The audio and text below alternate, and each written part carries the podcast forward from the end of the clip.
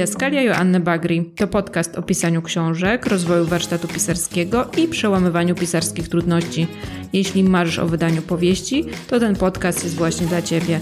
Jestem autorką kryminałów, prowadzę bloga pisarskiego Born to Create. Zapraszam serdecznie. Odcinek ósmy. Propozycja wydawnicza. Jak napisać i jak wysłać maila do wydawcy. Cześć, witam Cię bardzo serdecznie w kolejnym odcinku Didaskalia Joanny Bagri. Jak nagrywam ten podcast, mamy już wrzesień, zdecydowanie lepszą jak dla mnie pogodę, zdecydowanie chłodniej, więc można spokojnie zamknąć się w pokoju i nagrywać dla Ciebie ten podcast. Dzisiaj porozmawiamy sobie o takiej rzeczy jak przygotowanie propozycji wydawniczej i wysłanie całego kompletu czy pakietu dokumentów, że tak to nazwę, do wydawcy. Czyli tak naprawdę przygotowanie naszego konspektu albo całej powieści, pewnych też informacji o nas, czyli biogramu oraz streszczenia tej powieści, bo tego najczęściej oczekują wydawcy. W opisie tego odcinka znajdziesz podlinkowany wpis na blogu oraz checklistę, która pomoże Ci w taki sposób płynny przejść przez ten cały proces i odhaczyć wszystkie punkty, które powinieneś zrealizować, zanim klikniesz przycisk wyślij w swojej skrzynce pocztowej. Wbrew pozorom, tych takich kwestii technicznych i kwestii organizacyjnych trochę tutaj jednak mamy związanych z wysłaniem propozycji wydawniczej. I gdy już raz przejdziesz przez ten proces, to za każdym kolejnym razem, za każdą kolejną książką będzie Ci na pewno o wiele łatwiej. Ok, przejdźmy w takim razie do konkretów. Tak jak już wspomniałam, propozycja wydawnicza składa się z kilku elementów, z dwóch lub z trzech. Składa się na pewno z powieści lub konspektu tej Twojej powieści oraz Twojego biogramu. Jeżeli wysyłasz wydawnictwu całą powieść, składa się jeszcze dodatkowo ze streszczenia tej powieści. Wszystkie te dokumenty, a przede wszystkim Twoją powieść, należy odpowiednio sformatować i przygotować do wysyłki do wydawcy. Dodatkowo oczywiście jeszcze musimy przygotować ciekawego maila do wydawnictwa i zrobić też research wydawnictw, żeby nie powysyłać naszej propozycji wydawniczej do wydawców, którzy w ogóle nie zajmują się publikacją takiego typu powieści, jaki my piszemy, jaki my tworzymy. I zacznijmy sobie od tego, czy lepiej wysłać wydawcy konspekt, czy całą książkę i jakie tutaj mogą być zagrożenia, jeżeli wysyłamy całą powieść. Często początkujący pisarze boją się, że jeżeli wyślą cały maszynopis, kompletną powieść, to wydawca może sobie tą powieść ukraść i wydać ją na przykład pod nazwiskiem innego znanego autora. Tak się oczywiście nie stanie z dwóch takich powodów. Pierwszy powód to są oczywiście prawa autorskie. Jeżeli do takiej sytuacji by doszło, no to wydawca naraża się na sprawę sądową, bo to są trudne sprawy, trudne sprawy sądowo. Z jednej strony ciężko ustalić, kto faktycznie był autorem treści, ale jeżeli ty jako pisarz pokażesz przed sądem swój dokument, swój pierwotny dokument, plus jeszcze będziesz miał oczywiście oświadczenia jakichś bliskich osób, które ten dokument wcześniej przeczytały, że tak, ty jesteś autorem tej treści, no to wydawca po prostu sobie sam będzie szargać opinię i sam naraża się no, na kradzież treści, na, na bycie oszustem tak naprawdę. A z drugiej strony to wydawcy też tak chętnie nie chcą wydawać książek bez dokładnego przeczytania tej książki, bez określenia, czy ta książka nada się na rynek wydawniczy i przyniesie jakikolwiek zysk, jakikolwiek przychód, bo to wszystko są dla wydawców koszty. Więc wysyłanie całej książki nie jest tutaj żadnym zagrożeniem i czasami nawet jeżeli wyślemy tylko część, e, część książki, bo załóżmy uważamy, że chcemy wysłać kilka pierwszych rozdziałów, to wydawca i tak może poprosić o pełny maszynopis, żeby oszacować długość tej książki, liczbę arkuszy wydawniczych i to, jaki będzie orientacyjny koszt wydania tej książki. Więc tutaj warto lepiej wysłać całość książki niż jej fragment, chyba że wydawca na swojej stronie zastrzeże, że prosi tylko o 150 pierwszych stron maszynopisu. Co do konspektu, możemy również wysłać konspekt, czyli nasz taki ramowy plan na książkę, to oczywiście też jest dopuszczalne. I taki konspekt wysyłamy w momencie, kiedy nie mamy jeszcze maszynopisu, ale mamy jakiś ogólny zarys, pomysł na naszą powieść, na naszą książkę. O czym warto napisać w takim konspekcie? Oczywiście o tym, o czym będzie książka, jaki tutaj mamy zamysł, jaki to będzie gatunek. Warto przedstawić głównych bohaterów, ich takie ogólne rysy osobowe, jak będą ze sobą wchodzić w relacje, czy na przykład dany bohater będzie się zmieniać wraz z kolejnymi stronami naszej książki. Warto też opowiedzieć, jaka będzie forma narracji, czy planujemy retrospekcję, no i ogólny nasz pomysł na strukturę książki. Jeżeli mniej więcej wiemy, jaka będzie objętość tej powieści, to też warto o tym wspomnieć. Powinniśmy też wspomnieć wydawcy, kiedy planujemy zakończyć pisanie tej książki, kiedy startujemy, kiedy planujemy zakończyć pisanie, żeby wydawca mniej więcej wiedział, że jeżeli zdecyduje się z nami na podjęcie współpracy tylko na podstawie takiego konspektu, to kiedy może się spodziewać konkretnej naszej pozycji. Warto też wspomnieć, czy planujemy kolejne części tej książki, czy będzie to seria, saga, czy raczej pojedyncza powieść. Można też wspomnieć o źródłach, z których będziemy korzystać i skąd będziemy czerpać naszą wiedzę.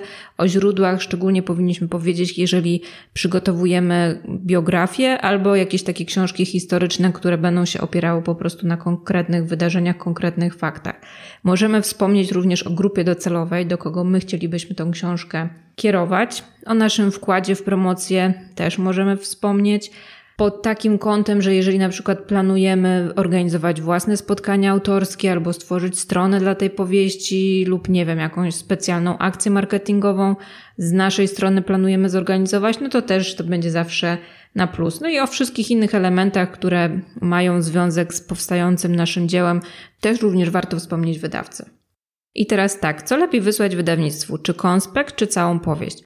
W moim odczuciu to jest trochę tak, że jeżeli nie mamy znanego nazwiska i dopiero startujemy na rynku książki, to zdecydowanie lepiej przesłać wydawnictwu pełny maszynopis, dlatego że na podstawie tego, co my tam napiszemy, wydawca zdecyduje się na współpracę. Jeżeli nie jesteśmy znanym pisarzem, nie jesteśmy uznaną osobą na rynku książki i przygotujemy tylko taki konspekt, to pewnie wydawca też będzie oczekiwać od nas jakichś próbek naszej twórczości, żeby określić, jaki mamy styl pisania, w jaki sposób piszemy, czy będzie potrzebna bardzo duża korekta językowa, czy też nie, bo na podstawie konspektu tego nie wyczuje, tego nie jest w stanie wysądować.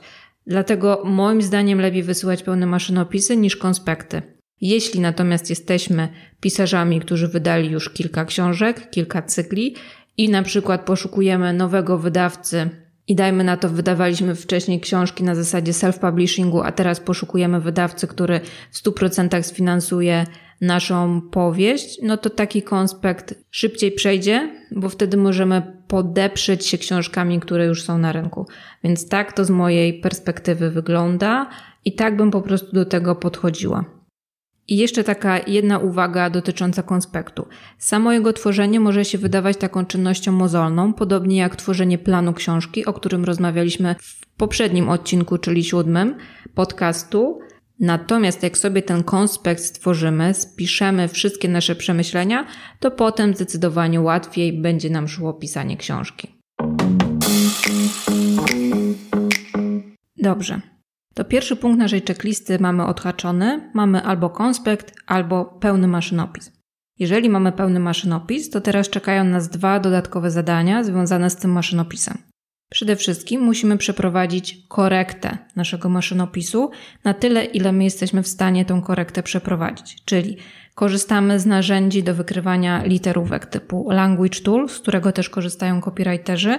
Dajemy do przeczytania tą powieść jakiejś bliskiej, zaufanej osobie, żeby wyłapała różnego rodzaju babole. Sprawdzamy również też, czy logika tej powieści się zgadza, czy bohaterowie za każdym razem mają te same imiona, ten sam kolor włosów, ten sam kolor oczu, czy nie zostawiliśmy jakichś wątków bez wyjaśnienia, czy tutaj czegoś nie pokręciliśmy w samej fabule powieści.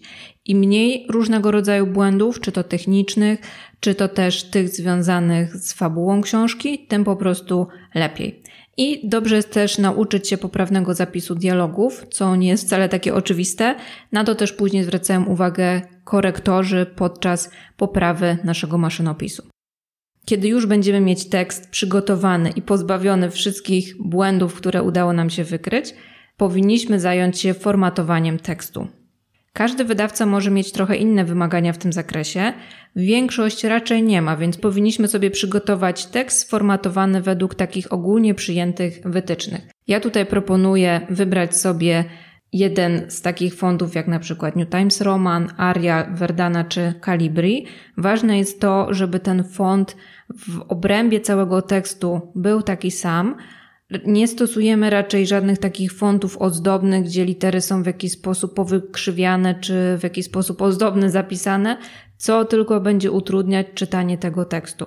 Jeżeli pewne fragmenty tekstu zapisaliśmy kursywą, bo były to jakieś retrospekcje, to to oczywiście zostawiamy, żeby wyróżnić treść jedną od drugiej, natomiast stosujmy takie sposoby formatowania treści bez zmiany fontu. Proponowana przeze mnie wielkość fontu to 12. Przy Calibri można zastosować 11 bądź 11,5, bo ten font jest trochę większy niż New Times Roman. Wprowadźmy również interlinię 1,5 można tekst wyjustować. Cięcia akapitowe wprowadzamy za pomocą tabulatora i to w większości, większości tyle. Nie oddzielajmy akapitów enterami, że tak powiem. Akapity powinny być tak naprawdę wers po wersie obok siebie, tylko jeżeli chcemy wyróżnić dany fragment, że to jest nowy akapit, no to właśnie stosujmy tabulatory.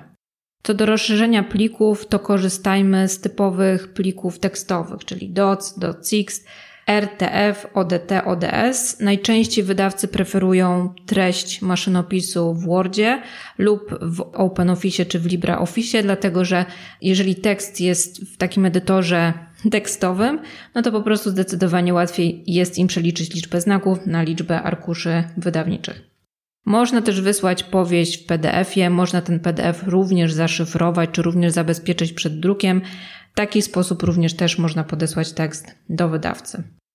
To, czego unikamy, to wszelkich form kolorowania tekstu, czyli stosowania różnych kolorów treści, stosowania jakichś wyróżników typu jeden akapit na czerwono, drugi akapit na zielono, mieszania właśnie fontów, stosowania nagłówków, czyli w edytorach tekstowych to się na, najczęściej nazywa styl tekstu, jeśli oczywiście te nagłówki nie mają większego znaczenia na odbiór tej naszej powieści przez czytelnika. Postarajmy się myśleć o naszym maszynopisie o tekście ciągłym, który trafia do wydawcy i wydawca później, jeżeli decyduje się na wydanie powieści, zaczyna sobie dzielić ten tekst, formatować ten tekst w taki sposób, żeby zaprezentować go w sposób estetyczny czytelnikowi, czyli wtedy już wydawca decyduje, że na przykład numery rozdziałów będą innym fontem, pogrubione, czy jakimś w ogóle ozdobnym fontem zamieszczone na kartach naszej powieści. My takich rzeczy nie stosujmy, my musimy po prostu przygotować zwarty, ciągły tekst dla wydawcy. No i z przygotowaniem takiego tekstu wiąże się również przygotowanie strony tytułowej. Na stronie tytułowej oczywiście zamieszczamy tytuł oraz nasze dane osobowe. Imię, nazwisko, adres mailowy, numer telefonu. Jeżeli chcemy, to możemy podać adres do korespondencji.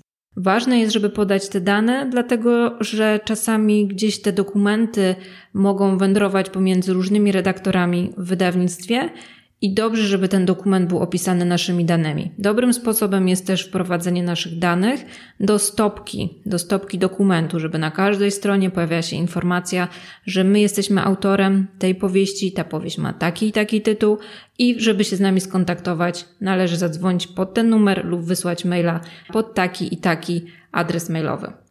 No i to załóżmy, mamy taki sformatowany wyjściowo maszynopis, który sobie zapisujemy. I w momencie, kiedy będziemy rozsyłać nasze propozycje wydawnicze, należy sprawdzić, czy wydawca właśnie nie ma jakichś swoich własnych oczekiwań co do formatowania tekstu. Jeżeli będzie miał, to po prostu ten tekst wyjściowy dla tego konkretnego wydawnictwa będziemy przygotowywać według wytycznych wydawnictwa. Ja najczęściej wysyłałam wydawnictwom pliki PDF, które były zabezpieczone przed drukowaniem i przed kopiowaniem. Natomiast zdarzyło mi się tak, że wydawca poprosił, żeby ten plik odszyfrować, dlatego że chciał sobie tą treść wydrukować i przeczytać sobie po prostu w formie takiej tradycyjnej papierowej. Inny wydawca z kolei od razu poprosił ode mnie plik tekstowy, żeby właśnie poprzeliczać objętość tej treści na liczbę znaków, następnie na liczbę arkuszy wydawniczych i już od razu gdzieś tam, jeszcze przed przeczytaniem tekstu, chciał sobie oszacować, jaki będzie koszt druku takiej treści. Więc tu naprawdę mogą być różne wymagania wydawców. Nie bójmy się też wysyłać treści w dokumentach tekstowych. Nie bójmy się, że wydawca nas oszuka i wyda naszą powieść pod czyimś innym nazwiskiem i w ten sposób ukradnie naszą pracę. Kolejny element, którym powinniśmy się zająć, przygotowując propozycję wydawniczą, to jest przygotowanie naszej autobiografii. Wydawcy chcą się trochę czegoś o nas dowiedzieć. Kim my jesteśmy, skąd się wzięła u nas pasja do pisania, dlaczego chcemy wydać tą książkę, chcą po prostu nas poznać. Często informacje, które przysyłamy w takiej nocie biograficznej do wydawcy, później są wykorzystywane do noty biograficznej na okładce książki, w jakichś materiałach promocyjnych. Oczywiście my powinniśmy się zgodzić, żeby ta nota, którą przesyłamy w propozycji wydawniczej, następnie została wykorzystana przez wydawnictwo w materiałach promocyjnych, materiałach marketingowych. I o czym tutaj możemy napisać? Możemy napisać o naszym wykształceniu, o tym, czym zajmujemy się zawodowo, skąd się wzięła u nas pasja do pisania. Warto też napisać, czy to jest nasza pierwsza książka, czy jesteśmy debiutantami, czy mamy już na koncie jakieś wydane pozycje. Warto też napisać coś o zainteresowaniach niezwiązanych z książkami, bo te zainteresowania, tak jak w CV, zawsze mogą w jakiś sposób nas wyróżnić albo też zaciekawić naszą osobą redakcję wydawniczą. Jeżeli mamy wydane książki na swoim koncie, warto podać linki do portalu Lubimy Czytać, za pomocą których wydawca zobaczy, jak ta książka została oceniona i jaki był odbiór tej powieści przez czytelników. Jeżeli prowadzimy swoją stronę internetową, profile w mediach społecznościowych, to też jak najbardziej warto podać linki do tych zasobów. No i można również wspomnieć, w jaki sposób chcemy promować swoim wizerunkiem, swoją osobą, albo po prostu ogólnie naszą powieść, nas, naszą twórczość, żeby też przy okazji w jakiś sposób zachęcić wydawcę do wydania powieści, pokazać, że będziemy się angażować w proces wydawniczy. Mój biogram składał się z dwóch e, stron A4, które przygotowałam w kanwie, gdzie zaprojektowałam sobie ładny nagłówek, ładną stopkę, jeszcze z, dodałam piórko, które było wtedy elementem logo mojej strony. I w tym biogramie, który przygotowywałam, na potrzeby wysłania pogranicznika jako propozycji wydawniczej. Napisałam, że jest to moja druga powieść, że zadebiutowałam oddechem śmierci, opisałam, jakie studia ukończyłam i z jaką branżą jestem zawodowo związana.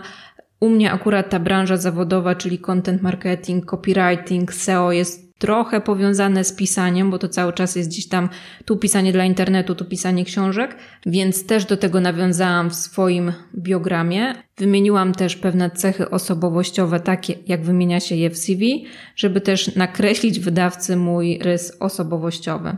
Dodałam linki do moich mediów społecznościowych, też do profilu na LinkedInie, bo tam też mam inne projekty związane z pisaniem podlinkowane, więc w taki sposób to zaprezentowałam. Opisałam też taki ogólny mój pomysł na promowanie powieści. Dodałam też swoje zdjęcie, żeby osoba, która czyta ten biogram, zapoznaje się też z treścią powieści, od razu sobie kojarzyła moje imię i nazwisko z konkretną twarzą, bo my jako ludzie lubimy sobie wyobrażać, jak wygląda osoba, która coś napisała, która się z nami kontaktuje. To jest takie typowo ludzkie, że chcemy po prostu też wiedzieć, jak ta osoba po drugiej stronie wygląda. Biogram przygotowałam w osobnym pliku, był to plik PDF.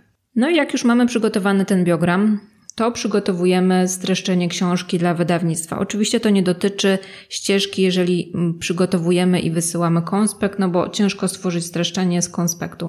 I w streszczeniu książki powinniśmy się skupić na takim ogólnym opisaniu, o czym będzie ta książka, w taki sposób, żeby wydawcę zainteresować. Czyli ja do tego podchodziłam tak, że to jest taki opis, jak znajduje się na okładce książki, może trochę nieco bardziej rozbudowany.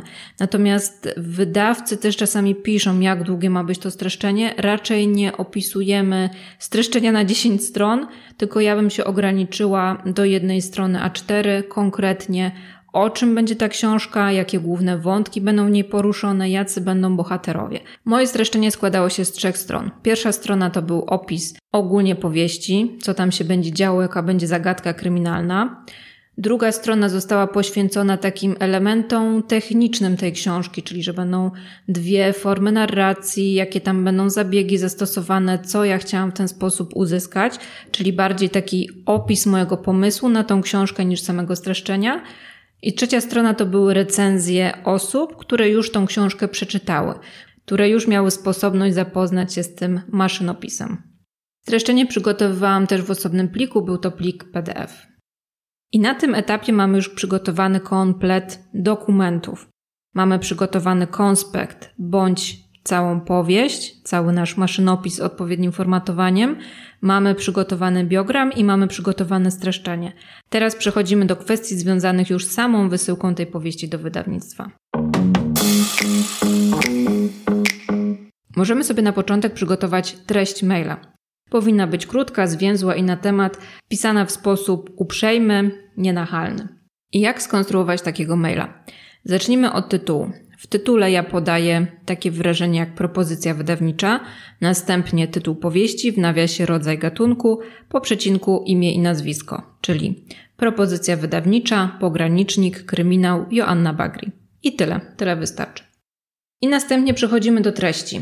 Przykładową treść znajdziesz w podlinkowanym wpisie na moim blogu. Mniej więcej może być to coś takiego jak na przykład Szanowni Państwo, przesyłam moją najnowszą powieść o tytule XYZ. Jest to moja pierwsza, druga, trzecia powieść. Zadebiutowałam w roku takim i takim, powieścią taką i taką. I następnie ja jeszcze zawsze piszę, że w załączniku przesyłam Państwu takie i takie pliki. Pierwszy plik jest to plik z pełnym maszynopisem książki, z pełną treścią książki. Drugi plik jest to biogram, streszczenie. Trzeci plik są to dodatkowe informacje. I na końcu coś w stylu, że mam nadzieję, że znajdą Państwo czas, żeby zapoznać się z tą powieścią i oczywiście pożegnanie, czyli pozdrawiam z wyrazami szacunku lub inna forma zakończenia. Najlepiej od razu podpisać się z użyciem naszych danych kontaktowych, żeby też wydawca, jeżeli wróci do tego maila i żeby chciał się od razu z nami skontaktować, to żeby od razu miał telefon. Warto też jeszcze raz powtórzyć maila, jeżeli chcę podawać dane adresowe, też możemy te dane podać.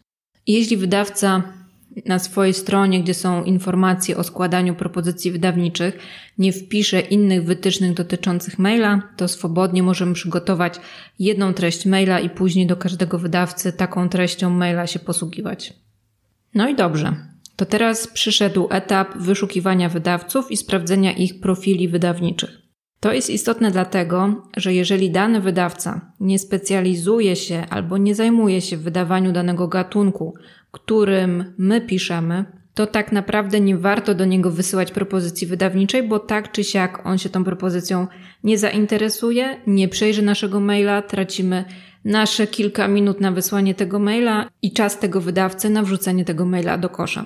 Więc zanim wyślesz maila do wydawcy, to po prostu sprawdź, czy na pewno wydaje powieści z gatunku, w którym ty piszesz, z gatunku, który ty proponujesz, który ty chcesz wprowadzić na rynek. Informacje o profilu wydawnictwa najczęściej znajdziesz gdzieś na stronie wydawnictwa, takiej zakładce o nas. Tam często jest jakiś ogólny zarys wydawnictwa, w czym się specjalizują, w czym się zajmują. Ewentualnie warto też przejrzeć książki wydawnictwa, na przykład na Lubimy Czytać. Wtedy będzie od razu widać, jakie gatunki książek są wydawane przez to wydawnictwo. To nie jest trudne do zweryfikowania, to nie jest trudne do sprawdzenia. No i tutaj od razu też proponuję Ci zrobić sobie taką listę wydawnictw, do których chcesz uderzać, do których chcesz wysyłać swoją powieść. Taką listę najłatwiej przygotować w Excelu. Ja sobie zawsze w takim Excelu zapisuję stronę wydawnictwa, pod stronę kontaktową lub y, adres mailowy, pod który należy wysłać propozycję wydawniczą datę, kiedy wysłałam propozycję wydawniczą do wydawcy oraz informacje o odpowiedzi od wydawcy, czy w ogóle jakaś przyszła, czy przyszła negatywna, czy przyszła pozytywna, czy przyszła jakaś konkretna propozycja finansowa. Taki Excel przydaje się do takiego właśnie sprawdzenia, który wydawca odpisał, a który nie, oraz do tego, żeby przy wysyłaniu kolejnej powieści mieć już zbudowaną tą bazę wydawnictw, bo tych wydawnictw jest naprawdę sporo i odszukiwanie ich za każdym razem zajmie Ci sporo czasu, więc taka własna baza danych będzie na pewno pomocna. I tutaj jeszcze taka dodatkowa uwaga, bo często początkujący autorzy zastanawiają się, do ilu wydawców wysłać swoją propozycję wydawniczą do tylu, ilu zechcesz. Tutaj nie ma ograniczeń. Nie musisz się obawiać, że potem będziesz musiał przebierać w tych ofertach, bo jeżeli jesteś początkującym pisarzem, to tych ofert spłynie do ciebie naprawdę niedużo i tak naprawdę będziesz się cieszyć z każdej pozytywnej i pewnie się zdecydujesz na pierwszą, która będzie odpowiadała ci pod kątem warunków współpracy. Jak mamy przygotowaną taką własną bazę danych, no to zaczynamy rozsyłanie maili do wydawnictwa. Oczywiście strony internetowe wydawnictw i sposoby wysyłania tych propozycji wydawniczych nieco się od siebie różnią. Wchodząc na stronę takiego wydawnictwa, szukamy takich podstron jak kontakt dla autorów, współpraca, wydaj z nami, opublikuj u nas, propozycje wydawnicze. Tego typu wyrażenia, zwroty używają wydawcy, żeby zachęcić autorów do wydawania powieści. I jak wejdziemy na taką stronę, to może nas zastać taka nieciekawa informacja, że obecnie wydawnictwo nie poszukuje nowych autorów, nie poszukuje nowych propozycji wydawniczych, więc wtedy od razu nie uderzajmy do takiego wydawcy, skoro jasno podaje, jasno komunikuje, informuje, że nie przyjmuje nowych propozycji wydawniczych.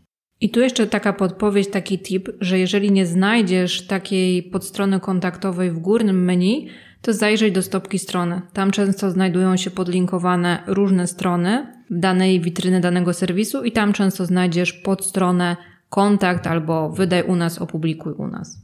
I na takiej stronie kontaktowej, dla takiej stronie dla autorów, znajdziesz właśnie informacje o tym, w jakiej formie wydawca przyjmuje propozycje wydawnicze, jakie ma dodatkowe wymagania dotyczące formatowania treści czy podsyłania propozycji wydawniczych. Niektórzy wydawcy podają po prostu maila i tam wysyłają wszystkie materiały, inni proszą o uzupełnienie formularza kontaktowego przez ich stronę, załączenia pliku o odpowiedniej wadze, o odpowiednim też rozszerzeniu, więc jeśli wydawca ma specyficzne wymagania, to je spełni. Jeżeli ich nie spełnisz, najczęściej wydawca od razu odrzuci Twoją propozycję wydawniczą. Ustalanie pewnych takich standardów dotyczących propozycji wydawniczych ma oczywiście swoje uzasadnienie. Propozycji jest łatwiej czytać i oceniać dokumenty o określonym foncie, określonej interlinii, łatwiej jest później mu w stanie oszacować długość tej powieści i koszty wydania takiej książki.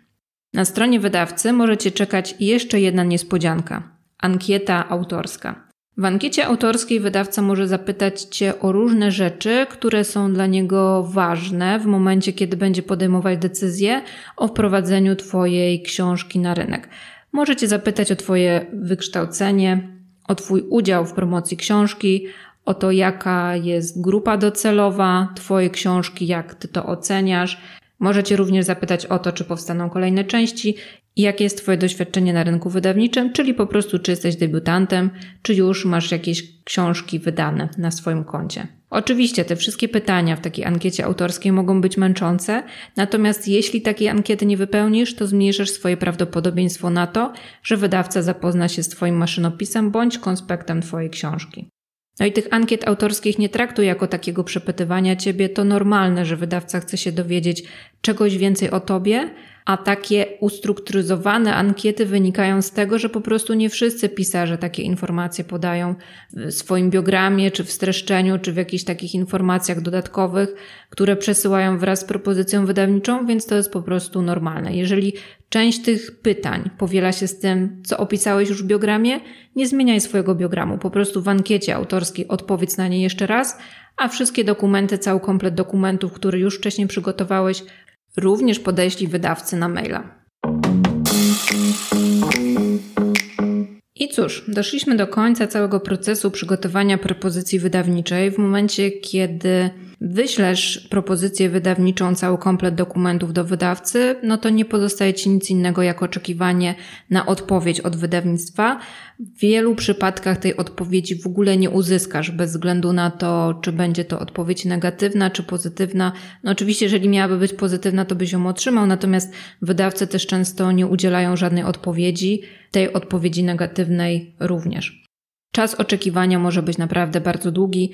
Bardzo szybko odzywają się tylko te wydawnictwa, które chcą Ci zaproponować model ze współfinansowaniem, a najczęściej chcą przerzucić na Ciebie całe koszty wydania książki. To takie wydawnictwa nawet po dwóch dniach napiszą Ci, że tak, super jest za Twoja powieść, możemy ją wydać, koszt wydania będzie taki i taki. No jakby wiesz, przeczytanie Twojej powieści to też nie jest takie hop siup, że ktoś siądzie i w jeden dzień przeczyta całą książkę, jeszcze oceni ją pozytywnie do wydania. Samo przeczytanie jakiś czas trwa. Też nie zakładajmy, że osoby w wydawnictwach tylko czekają na nowe propozycje i od razu siadają i te propozycje czytają. Mają też wiele różnych innych swoich obowiązków. Też propozycji wydawniczych dosyć sporo do nich spływa. Dlatego, jeżeli uzyskasz odpowiedź bardzo szybko, no to raczej spodziewaj się właśnie propozycji przerzucenia kosztów na ciebie, propozycji współfinansowania wydania powieści. Czy warto się po jakimś czasie odezwać do wydawcy i zapytać, czy zdążył już przeczytać Twoją propozycję wydawniczą? Ja nigdy tego nie robiłam, możesz spróbować, bo tak naprawdę co ci szkodzi? Może akurat wydawca, jak zobaczy Twojego kolejnego maila, to sobie przypomni, że gdzieś odłożył Twoją powieść na później i tak naprawdę o niej zapomniał, bo miał dużo innych różnych obowiązków. Możesz to zrobić, albo możesz cierpliwie oczekiwać na odpowiedź. Warto też po jakimś czasie zrobić kolejny check, kolejne sprawdzenie wydawnictw, do których wysłałeś książkę i przejrzeć, czy może są jeszcze jakieś wydawnictwa, do których warto podesłać książkę, podesłać swoją propozycję wydawniczą. Tak było właśnie w przypadku pogranicznika, że wysłałam książkę do kilkunastu wydawnictw. Czekałam chyba z dwa czy trzy miesiące na odpowiedź. Żadnej odpowiedzi konkretnej, ciekawej nie było. Potem jeszcze przejrzałam dodatkowe wydawnictwa pod kątem właśnie ich profilu wydawniczego i wysłałam właśnie książkę do wydawnictwa kobiecego. Tam się pani do mnie odezwała chyba po miesiącu albo po dwóch, więc dzięki tej powtórnej wysyłce propozycji wydawniczych udało mi się pozyskać bardzo fajnego wydawcę, a z tej współpracy jestem naprawdę bardzo zadowolona. I podsumowując, zajrzyj do artykułu na moim blogu, zajrzyj do checklisty. Możesz tą checklistę sobie wydrukować albo pobrać. Jak będziesz przygotowywać swoją propozycję wydawniczą, to po prostu przez tą checklistę przejdź, zobacz, czy wszystkie punkty zrealizowałeś, żeby wysłać wydawcy pełną propozycję wydawniczą i spełnić takie wymagania formalne. Pamiętaj, że te wymagania formalne są istotne, bo przez nie Twoja dobra książka może zostać po prostu odrzucona. I zawsze też spełniaj wymagania wydawnictwa.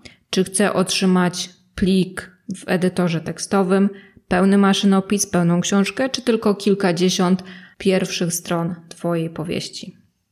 W razie dodatkowych pytań zapraszam do kontaktu. Maila znajdziesz w opisie podcastu lub możesz też napisać do mnie za pomocą formularza kontaktowego na stronie Born to Create. No i mam nadzieję, że Twoja propozycja wydawnicza, Twoja powieść spotka się z odzewem wielu ciekawych wydawców, a Ty otrzymasz naprawdę lukratywne oferty współpracy. To na razie i do usłyszenia w kolejnym odcinku podcastu Didaskalia Joanny Bagli. Cześć!